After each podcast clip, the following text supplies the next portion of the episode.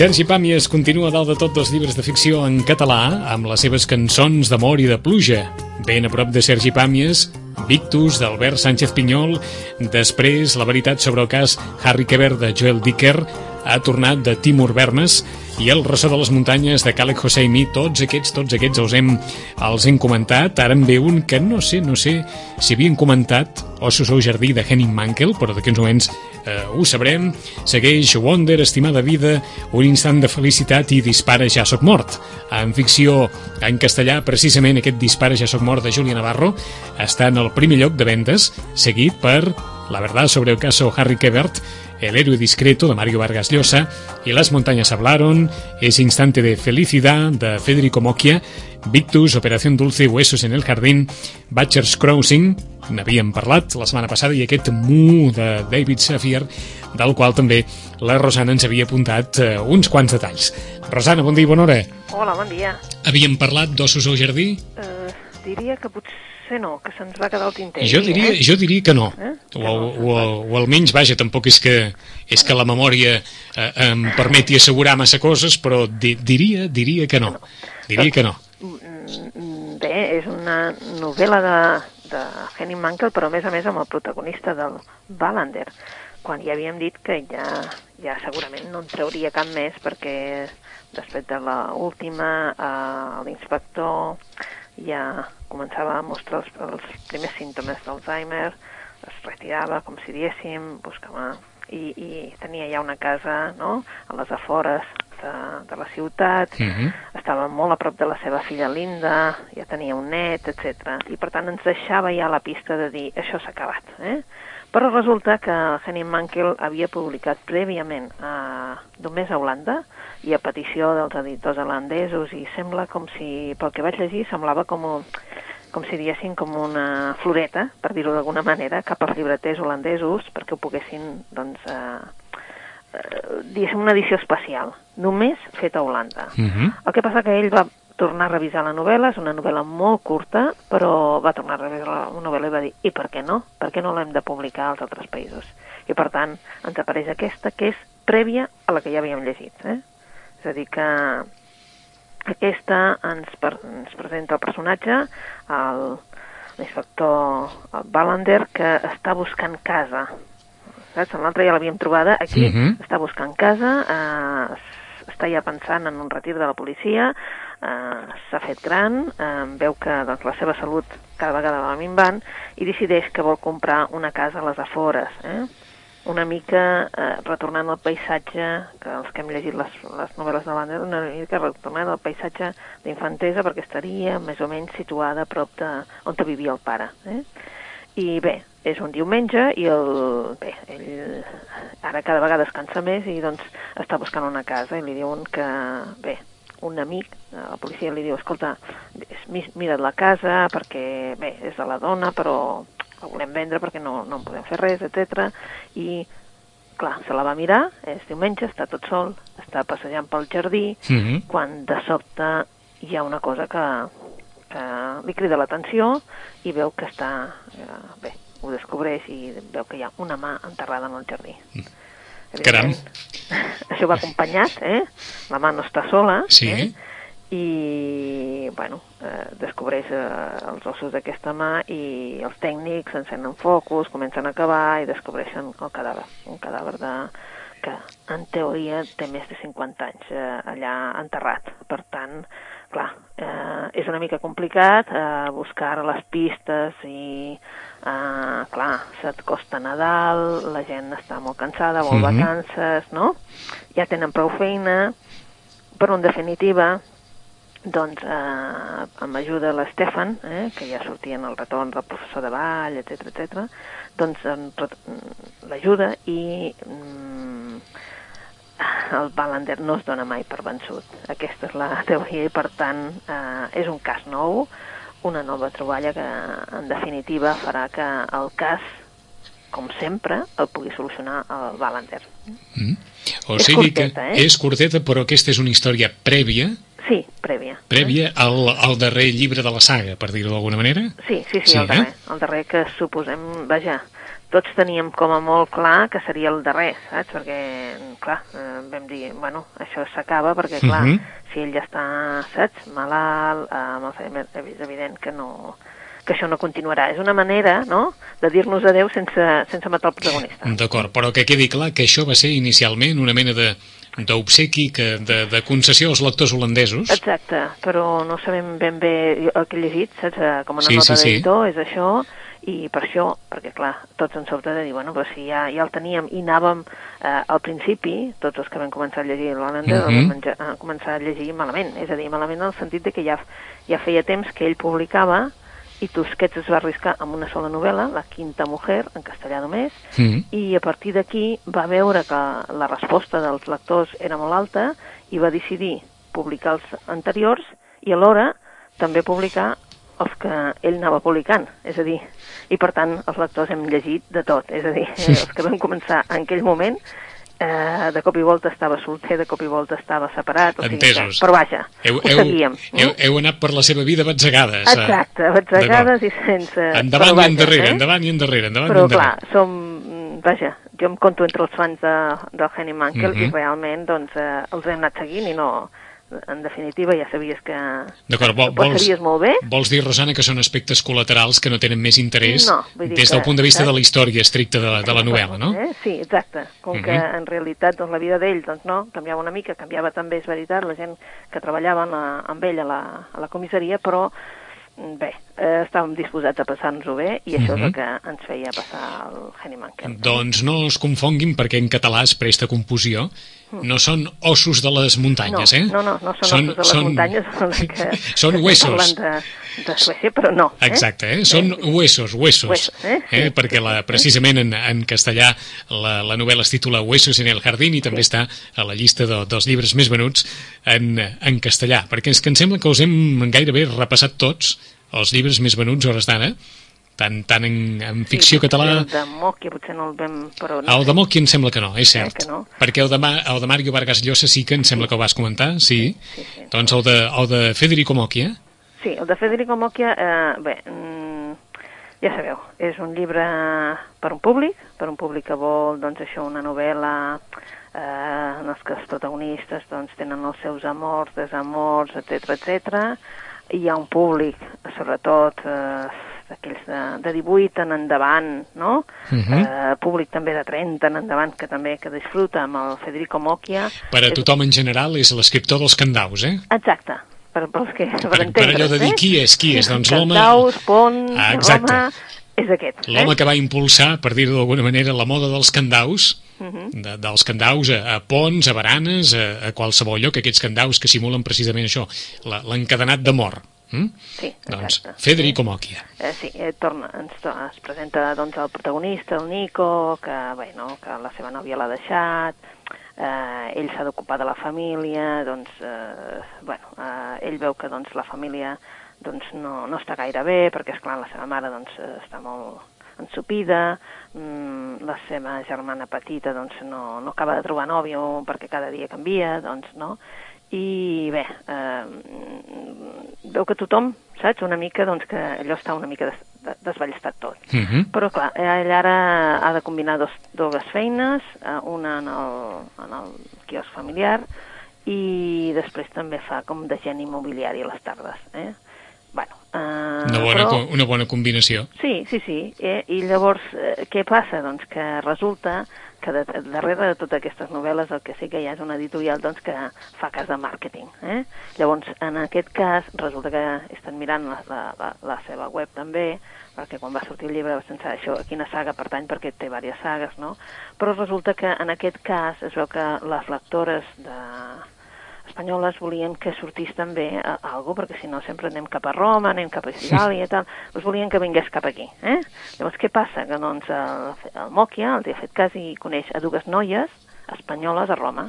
Mm? Mm -hmm. I clar, les coneix i bueno, està decidit doncs, també a donar-se doncs, també un gust de dir, bueno, escolta, també jo tinc dret a la felicitat, no? no només estar pendent de la família, no? I llavors decideix doncs, passar-s'ho bé, perquè són dues estrangeres i doncs, bueno, és qüestió de passar-s'ho bé, no? Però és clar, eh, no és tan fàcil, de vegades t'enamores, no? I clar, aquests sentiments que són més forts, etc mm, el fan portar com aquest, eh, aquest, aquest instant de felicitat que ell potser voldria doncs, que fos molt més llarg que un instant. Eh? Uh, el que ha passat és que ara ja s'està preparant una altra novel·la eh? i si mires la web resulta que les lectors, lectores, quasi totes, eh? podran decidir en quina, en quina uh, dintre de, de, de, del que és Espanya, diguéssim, sí. decidir cap on te pensen ells que voldrien que se situés l'acció de la propera novel·la. O sigui, a partir de la història que comença sí. un instant de felicitat, sí. els lectors hauran de decidir o hauran de proposar sí, en quin lloc... proposar comunitats autònomes uh -huh. o, saps, allò sí, de, sí. on te voldrien ells que aquests protagonistes continuessin la seva història d'amor. O sigui, eh? si volen que passi a Toledo, Pontevedra, a Barcelona... Ah, això, eh? Mm? A Múrcia... Llavors, bueno, tot, eh, com que es tracta de votar, es veu i tot això, doncs, bueno, eh? mm. aquestes coses que tenen la, eh? la, està molt, està pàgines, molt, eh? molt conduït, això, eh? Molt conduït. Molt sí. conduït. El que passa és que s'ha de reconèixer que té uns clubs de fans que es veu que fa faradat, eh? Uh -huh. Els clubs de fans que té, vull dir, és un... Bé, un altre tipus de literatura, per, que per, per tots. Eh? per tant, donem per entès, Rosana, que aquesta és una història que deu quedar molt oberta. Sí, sí, sí, sí, sí, queda oberta perquè, clar, ja, ja, ja, ja t'ho diuen, eh? Segona uh -huh. part, eh? Segona part. Sí, sí. Eh? Doncs, part, eh, properament. Eh? En la segona part hi tindran un paper important els lectors habituals de Federico Mocchia, que podran assenyalar o podran expressar el desig que la història continuï en algun lloc d'Espanya o en més d'un lloc eh, eh, d'Espanya. Suposo, i tu també ho suposes, que l'editorial farà el possible. Oh, i tant, eh? oh, i tant. Eh? Perquè, clar, això és una cosa i suposo que no, després decidiran eh, exactament cap a Mhm. on te vol, o, o, o el mateix autor que dirà, escolta, no. Eh? De tota manera, eh? Ahà. s'ha obert aquesta possibilitat a la web i, per tant, doncs, que ho sàpiguen que s'ho trobaran. Eh? Mhm. I només apuntar abans de les recomanacions de la Rosana, en no ficció, en assaig, mm, interessant totes dues, totes dues columnes. En eh, català, Sense por, de Teresa Forcades, i en castellà, Diario del Crash, de Santiago Niño Becerra. Això és el que hi ha en català i en castellà, a les primeres, eh, les primeres llistes de els llibres en assaig. Mm? Sí, Només per, que per apuntar-ho. Ara, per exemple, Taurus, que fa la- aquella campanya que fa cada any, que doncs, comprar un llibre de Taurus doncs, regala un, un que un, pots escollir entre tres títols que, que et regalen, no?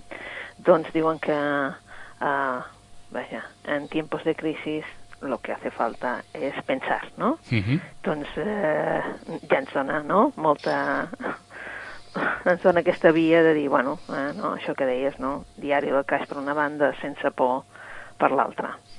En definitiva, és això, no? Volem saber han, que... han, han superat, eh, vaja, eh, teníem aquesta marinada sempre arriba de Lluís Foix, una cosa més, no sé. Sí. si dir bucòlica, eh, Sí, més... Sí, no, aquests records Ah, exacte. d'infantesa, eh? I això. I això ha estat escombrat per la realitat, eh? Sí. Teresa Forcada, sense por, és una entrevista que ha mantingut la monja benedictina amb Esther Vives, però evidentment posa sobre la taula el capitalisme, els rescats bancaris, etc. i qui conegui Santiago Niño Becerra o bé a través de, dels seus articles o a través de les seves intervencions en el, en el programa de Josep Cuní, doncs pot també fer-se una idea del que explica Santiago Niño Becerra en aquest diari del Crash, que s'ha situat dalt de tot de les llistes de llibres de, de no ficció. Repàs ara les recomanacions que, que ens porta la Rosana aquesta setmana. Per on comencem, Rosana? Doncs mira, començaríem per una autora que ens fa pensar. Jo, de fet, eh, només he començat el llibre. Eh, és una autora que haig de reconèixer, eh, sap greu dir-ho, però que, que a mi la seva germana m'agradava molt, la Dulce Chacón. Ella és la Imma Chacón. Mhm. eh? I la Imma Chacón ens va començar a, a ser coneguda quan va publicar La princesa Inca. I ara eh, ens fa una història que realment eh, suposo que és un moment. També ells, normalment elles també vol destapar moltes coses, que aquests secrets mm, guardats, aquestes coses que ens han passat però que en definitiva no n'hem volgut parlar i eh, sobretot eh, la seva germana feia també coses sobre la guerra civil, sobre els que no tenien veu, és a dir, la part republicana, etc. I ara ens presenta una novel·la que diguéssim que és una novel·la com a molt, molt actual, eh? en el sentit, el, pel que fa al tema. Eh? Es diu Mientras pueda pensarte. Eh? I en definitiva és un, un noi, eh? un noi que ja s'ha fet gran, eh, que té una carrera, diguem-ne, d'èxit, etc, però que un bon dia descobreix que aquells que pensava que eren els seus pares, doncs no ho són. Mm. Eh? Eh, el van donar en adopció, és clar, i evidentment de forma il·legal. Amb qui? Doncs La complicitat de qui? Doncs bé, la història ens ho diu, no? Sempre hi ha una monja i un metge pel mig. Eh? I evidentment un taxista, que era el que feia de d'enllaç. Eh? Eh, 40 anys abans, doncs, eh, en una casa doncs, hi ha algú que dona de llum i, evidentment, és una... eh, se li diu que el nen ha nascut mort, aquella història que repeteix, no?, és per una estranya infecció. Mm? Eh, de tota manera, ella no ho creu, la història, perquè de vegades les coses no són com semblen. Mhm. I, en definitiva, és la història aquesta de d'aquest noi que diu no sé qui sóc, eh? perquè, evidentment, eh, el problema de, de, de, de saber que, que, que tens uns altres pares que no són aquells que t'han criat, que t'han educat, deu ser, m'imagino que el tema és doncs d'on- d'on vinc realment. Mhm. Eh? Tema especialment d'actualitat, eh? Sí, per això et deia, és un tema d'actualitat, l'editorial hi ha apostat, l'editorial Planeta ha apostat, perquè doncs, eh, pensa que és un tema doncs, que està afectant a una part més gran de la societat del que ens pensàvem tots plegats, i en definitiva ha volgut treure aquesta novel·la que ella ja tenia escrita, però que ha volgut treure ara. Mhm. eh? De- Mientras pueda pensar. Mientras puede pensar-te de Imma Chacón, la història a partir d'un noi que descobreix que el donaren il·legalment en adopció. Per on seguim? I no sé si vam comentar, perquè ja surt els llibres més, eh, més venuts, el Batches Closing. Eh, jo diria que sí. Sí, el vam sí. comentar. Sí, sí, Vale, el vam comentar, de John Williams. Sí, doncs John Mhm. Williams, exacte. És que és una de les novel·les aquelles uh això. L'home Però- que se'n va a un territori, vaja, Sí, diguem-ne que sí. hostil, especialment hostil, eh? Sí, o sigui, un noi que vol saber qui és realment i vol Mhm. saber una mica doncs, per on t'ha de tirar i llavors decideix fer això, no? Ah, exacte. En un paisatge tan hostil com aquest. Eh? doncs està ja en la llista dels llibres més venuts també, i ens l'havia recomanat fa, fa 15 dies. Doncs continuem Mhm. pel Premi de Novel·la Negra RBA. Mm? Ha sortit aquests dies, eh, el, crec que és el 12 de setembre, més o menys, que es va donar el Premi de Novel·la Negra de RBA a un, un autor islandès, Arnaldur Indridason, ja és conegut entre els lectors de novel·la negra perquè va publicar Les Marismes, eh, també va publicar La Mujer de Verde, eh, L'Home del Llac, que després també es va traduir. N'hi ha algunes de traduïdes, però n'hi ha algunes que encara no. En aquest cas, eh, RBA ens la publica primer en castellà, ho dic perquè els lectors s'hauran d'esperar, els Ahà. lectors en català, fins al febrer, que no la publicarà amb la Magrana. Déu-n'hi-do. Sí, eh? No sabem per què, però bueno, l'any passat ja ens va passar, eh? que amb el Premi de Novel·la Negra ens, primer en castellà, al cap d'uns mesos en català. Mhm. No sé si és que entre ells, pues, perquè són la mateixa empresa, o sigui, eh? però, bueno, eh? les qüestions és que ara no la tenim en castellà, es diu El passatge de les sombres, aquest és un autor islandès que ja té els seus fans, com dèiem, i en aquest cas doncs, eh, ens presenta una situació que en principi és una situació que, bueno, que és normal en el sentit de que moltes vegades hem sentit doncs, que, fins i tot a la televisió, no? allò, el típic cas d'una senyora, la veïna, que truca a la policia que ja no pot més, que diu, escolti'm, és que fa temps que no veig, fa dies que no veig el veí o la veïna, eh, si plau, doncs mm, Mhm. vinguin, no? Clar, ells pensen que serà un cas més d'algú que, doncs, que ha marxat, volen eh, convèncer la senyora de que això és que ha marxat perquè és una persona gran, perquè segurament, bueno, per si és tan gran potser se l'han emportat la família a la residència, saps allò que, que li insisteixen a, a no, al final hi van, no? I evidentment, doncs, aquell senyor està mort, eh? és mort, és un senyor de 90 anys i està mort al llit, com si però va vestit com si, saps, com si anés com de carrer, per dir-ho Mhm. d'alguna manera. Com si hagués acabat d'arribar a casa, vaja. Exacte, saps allò que dius, mm, però està posat al llit, o sigui, com si hagués mort tranquil·lament. Clar, com que el cas podria ser quals, vull dir que ell, evidentment, eh, sembla que hagi mort per causes naturals, no?, perquè no hi ha lluita, no hi ha res en domicili, tot està molt net, etc. doncs pensen que, doncs això, no?, que el deixen allà, eh?, en el d'això. I, clar, la forense arriba un moment que, doncs, vol marxar de vacances, però vol acabar els casos que té, i, per tant, eh, l'ha postergat, només dos dies, però l'ha postergat, eh, bueno, té tots els estudiants de medicina allà al costat eh, per fer-ho, i llavors se n'adona que hi ha una cosa rara. Diu, carai, mm, aquesta persona ha mort ofegada. Eh? Um, de cop i volta, eh, al registrar el domicili, perquè, és clar no pensaven que ho haguessin de fer, doncs troben unes, uns retalls, uns retalls que, de, que parlen de, de, del 1944, d'una noia que va, va morir estrangulada en, el, en la part de, de darrere del Teatre Nacional de, de Reykjavik. Eh? Uh -huh. Clar, llavors el que estàs, tu estàs llegint les dues històries i en definitiva el que, evidentment, eh, tens passat i present, perquè, és clar, mm, hi ha Punts de connexió. punts de connexió, o podrien haver-hi, és el que volen saber, i aquí doncs ja tenim, doncs, eh, saps, allò, eh, els, les parelles de, de, de detectius que evidentment ens porten cap aquí, cap allà. Clar, eh, tu vas des de la Islàndia de finals de la Segona Guerra Mundial, no?, amb les tropes americanes, etc etc i eh, tornes ara a, a la Islàndia aquesta afectada per la crisi, doncs una Islàndia que havia passat un moment esplendorós però que ara doncs, té un moment dur de passar Mhm. la crisi, no? És una novel·la d'aquelles de passar-t'ho bé fins al final. Mm, hi ha doncs, aquests dos, eh, aquest element que porta cap enrere i cap endavant, no? perquè en definitiva això ha d'estar connectat. Doncs apunten aquest nom, Arnaldur Indridason. Indridason. O si no, diuen aquell autor islandès, Autor islandès. Premi RBA i serà més fàcil, eh? Exacte. Arnaldur Indridason. Indridason amb el passatge de les Ah, sombres, es diu el tot, llibre. Eh? tot, el, tot el que ve d'allà dalt és novel·la de misteri, ara, eh? No se n'escapa res, eh? Bueno, sí, sort, sort que ja comencem a introduir altres, Ahà. eh? altres contrades. Eh, és que sí, eh? dona la sensació que no escriuen altra cosa, Rosana. Bueno, jo, jo amb això sempre, sempre ens passa igual, és a dir, això és el que ens tradueixen. Exacte. Clar, nosaltres, clar, la, nostra, la meva ignorància, per exemple, és, és a dir, què deuen publicar allà, no? Eh, dir, eh, clar, perquè, perquè de, com que- deuen, deuen publicar, no, no sé, no, i, històries de mort també les deuen publicar, També, i, no, també, i novel·la també. històrica també la deuen publicar, També. però, però almenys el que ens arriba aquí tot són històries d'investigació, històries Sí, eh, sí. criminals, històries de, de novel·la negra, eh? històries de novel·la negra, i llavors, bueno, també veiem que és que els pares de la novel·la negra, doncs, són un matrimoni que va venir, te'n recordes ara, fa, Sí. per la Setmana Negra, que, el, que li van donar un premi i tal, i, i als 60 ja eren bons en novel·la negra, és a dir, bueno, és allò que dius, bueno... Mm A veure si ho farà, a veure si ho farà el clima.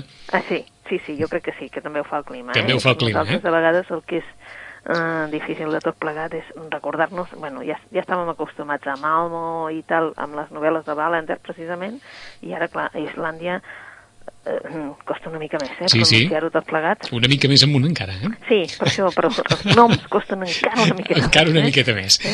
Més recomanacions. Bueno, doncs se n'anem cap, a, eh, cap, a, cap a casa nostra, se n'anem cap a, diem, una mica més avall, se n'anem cap a València i se n'anem amb el Joan Fracés, mira, eh, amb el tramvia groc. Uh, abans parlàvem, res, escuetament, sobre aquest, la marinada sempre arriba, no? Mhm. aquesta, aquesta infantesa del, de l'escriptor, no? per dir-ho d'alguna manera, aquests records de, Mm, d'aquella època. Eh? Doncs el Joan Francesc Mira, doncs que ja, per mi, ja és dir, dir això també és dir doncs, aquest escriptor, sagista, helenista sobretot, no? I per, un dels referents, vaja, de, de la nostra literatura, eh, ara ens presenta doncs, una, una obra completament diferent. Vale? Havíem passat des de les novel·les del Purgatori, per exemple, eh? o Professor d'Història, i ara eh, se n'anem amb una altra cosa. Eh? Ell el que fa és mirar enrere i explora una mica eh, la seva memòria i Mhm. els seus records d'aquell tramvia groc, que era el tramvia que anava des de la Horta, diguéssim, cap a València. Eh?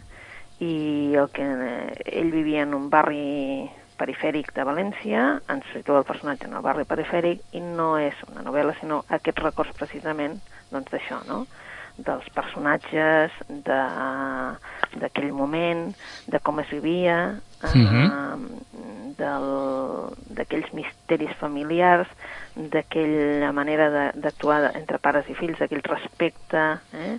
però eh, en definitiva el que fa és tirar eh, dels records propis i posar-nos una mica un mosaic uh, un mosaic que, que, que el disfrutes perquè en definitiva uh, és un paisatge conegut i també ell saps, ens porta el que passa que suposo que ens parlarà uh, més endavant eh? perquè acaba molt d'hora, és a dir, que suposo que té molta més memòria encara en Joan mm -hmm. Francesc Mira i que en tindrem un segon volum. El, eh? De moment el tramvia groc el tramvia de Joan groc, Francesc eh? Mira. I, església també, la, la, la connexió entre amb el capellà, això mm -hmm. de mhm. misses, eh? etc. també, no? Aquella, la aquella... d'ell de, de ser capellà, uh -huh. per exemple. Eh? Aquella memòria amb la qual més d'un es pot identificar, eh? Sí, molt. D'acord. perquè, bueno, ja veiem que 15 anys són, no? Vull dir que ell tira enrere, uh mhm. -huh. clar, ell va néixer el 39, per tant, això és eh, anys 40 cap a 50. D'acord. Doncs també és un dels llibres més venuts en categoria de, de no ficció. I tenim temps per una recomanació més, Rosana. Doncs, bueno, podríem començar a parlar del, del Nicholas Sparks. Eh? El Nicholas Sparks és, evidentment, també... Eh, té un públic que ja coneixem tots, després són novel·les que normalment també, després moltes d'elles passen a ser eh, pel·lícules, eh? Um, és l'autor, tothom el reconeix com l'autor de el Quaderno de Noah, que va passar com a pel·lícula al diari de Noah, però uh -huh. el llibre es diu Quaderno de Noah. Eh? I aquí tenim dues parelles, eh, les històries d'amor doncs, es creuen. És un home de 90 anys que es troba tot sol, eh, ha tingut un accident i es troba tot sol en una carretera, però clar, està completament aïllat. Eh? Mm, està mig inconscient eh? i està esperant a veure si ve algú i el rescata i davant seu el que apareix és la mort de la seva vida, però és clar, eh, algú que va morir fa un temps, no? Eh, en aquest espai de realitat, imaginació, clar, ell recorda la vida amb, amb aquesta persona, eh, com van superar el trauma de no tenir fills, uh mhm. -huh. bueno, eh, el dolor de, de la mort d'ella, eh? i l'altra història d'amor és la d'un jove estudiant d'art i un cowboy, com aquell que diu, eh? que aquell amor foll, aquell amor de perdurament, a, a, encara que són de dues societats completament diferents, uh mhm. -huh. i el que passa és que tothom té aquest somni que volen fer abans de, de tenir doncs, una vida conjunta, no? Uh, bé, en definitiva és uh, dues històries que es diuen El viaje más largo. Mm, són d'aquestes novel·les que realment el uh, Nicholas Sparks intenta que hi hagi un final que ens convenci, malgrat que a vegades no és el que ens agrada, però sempre uh, són històries, ho hem de dir, històries molt correctes. És un senyor, allò, saps allò, aquells senyors sí. casats, fonditets, que tots amb cara de bon noi, eh? i el que fa doncs són, bueno, suposo que tothom el recorda com aquella novel·la Querido John. D'acord, Vol, vols dir que el llibre no escandalitzarà ningú, eh? No, no, no, no és d'escàndol. No eh? és d'escàndol, no eh? És, eh, acostumats ara que estem amb la novel·la eròtica que no para de sortir, Vicenç, no paren de sortir noves novel·les eròtiques, eh? noves sagues, noves sèries. Això eh, són novel·les que fins i tot, doncs, nenes de 15 anys poden llegir. Entesos. Eh? És a dir, que els semblarà poca cosa, eh? Els habituals de novel·les de més, de, novel·les, sí, de més temperatura. Tenen, eh? tenen aquest punt d'entre intriga, misteri i, i relacions humanes que fa que, doncs, que la gent li agradi molt. Uh -huh. saps? Perquè sobretot el que cuida ell són les relacions. Eh? les relacions humanes, les relacions personals, els sentiments aquests de, de dir, bueno, per sobre de tot, jo estimo l'altre. Mm -hmm.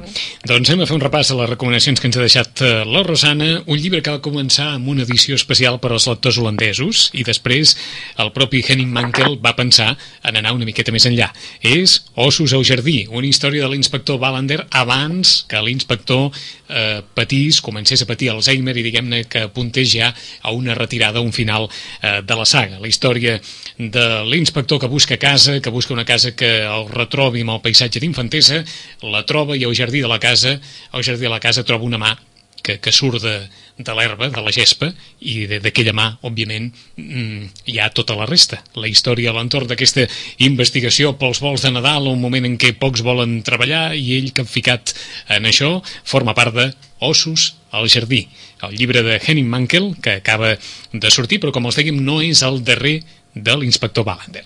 Un instant de felicitat de Federico Mocchia, la història de Nico que coneix a dues espanyoles i una història que queda molt oberta, tan oberta que l'editorial ja ha plantejat als seguidors de l'escriptor dels Candaus que cerquin indrets a Espanya on continuar aquesta història. Un instant de felicitat.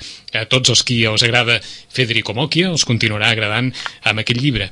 De Imma Chacón, Mientras pueda pensarte, la història del noi que descobreix que el varen donar en el seu dia il·legalment en adopció a través d'aquell vaja, d'aquell trio tan complicat de un metge, una monja i un taxista, en complicitat absoluta a partir d'aquesta història que comença amb una mare que li diuen que el seu fill és mort i el seu fill no és mort, ha estat eh, donat en adopció, d'Imma Chacón, Mientras pueda pensarte. El Premi de Novel·la Negra RBA, que ha sortit en castellà i no sortirà en català fins al mes de febrer, és de Arnaldur i la història es titula El passaje de les ombres a l'entorn de un home que és trobat mort, un home gran de 90 anys que és trobat mort al llit, l'han ofegat i al domicili troben uns retalls de l'any 1944 que expliquen també la història d'una noia estrangulada darrere el teatre del Cinqui. I a partir d'aquí, punts de connexió entre el passat i el present. De Joan Francesc Mira, una història que cavalca en la memòria personal, el tramvia groc, a l'entorn de el que va viure l'escriptor quan era petit en un barri als afores de València i el tramvia groc que l'acostava al centre de la capital. I finalment de Nicholas Sparks, aquest El viaje más largo, eh, també dues històries paral·leles, dues històries d'amor, eh, la història d'un amor recordat a partir d'un home gran que es troba en una circumstància difícil a peu de carretera i recorda tota la seva història d'amor i la història entre dos joves, de l'amor foll entre dos joves, dues històries d'amor que cavalquen en aquest llibre, com ens deia la Rosana, però lluny de les emocions fortes o d'aquelles que, que piquen una mica eh, eh, a l'ànima i a alguns els fa cert d'allò, doncs que no pateixin, que és una història d'aquelles que pot llegir eh, tothom. En 15 dies tornarem en el temps dels llibres amb la Rosana Lluc. Rosana, bona lectura. Bona lectura amb vosaltres. Adéu-siau. Adéu.